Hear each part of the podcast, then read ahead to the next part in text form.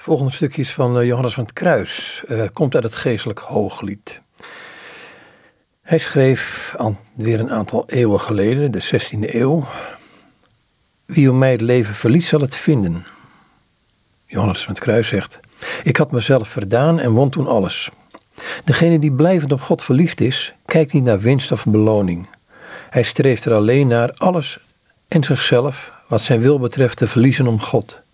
Dit beschouwt hij dan als winst. Ook volgens Paulus is dit zo. Mijn sterven om Christus is mijn winst. Hij bedoelt een geestelijk sterven aan alle dingen en aan zichzelf. Daarom zegt de ziel: Ik won toen alles.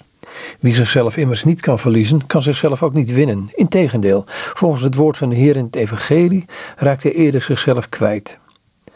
Jezus zegt dan: Want wie zijn ziel wil winnen voor zichzelf, zal haar verliezen. Maar wie zichzelf verliest om mijnentwil, hij zal haar winnen. Dit vers zouden wij ook meer geestelijk kunnen opvatten.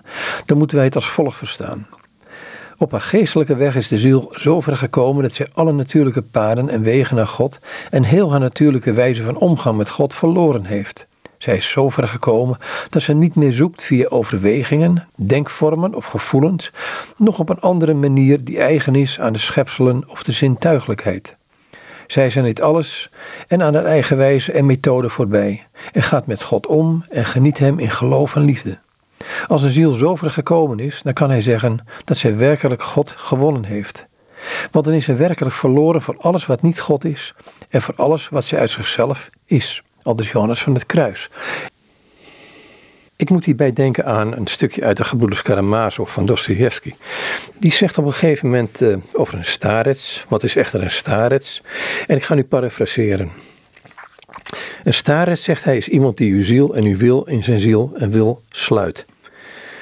Wanneer iemand een starets tot zijn leidsman heeft gekozen, doet hij afstand van zijn wil en geeft zich in totale gehoorzaamheid en zelfverloochening aan hem over. Ik betrek dit op Jezus. We geven mijn wil en ziel in totale gehoorzaamheid en zelfverloochening aan hem over.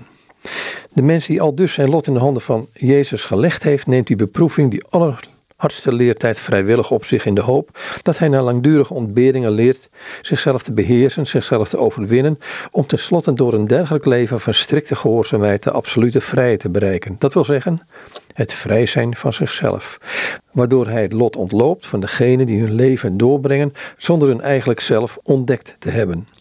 Anders Dostoevsky en Gerudus Karamazov. Daarvoor las ik een stukje van Johannes van het Kruis uit het geestelijk Hooglied.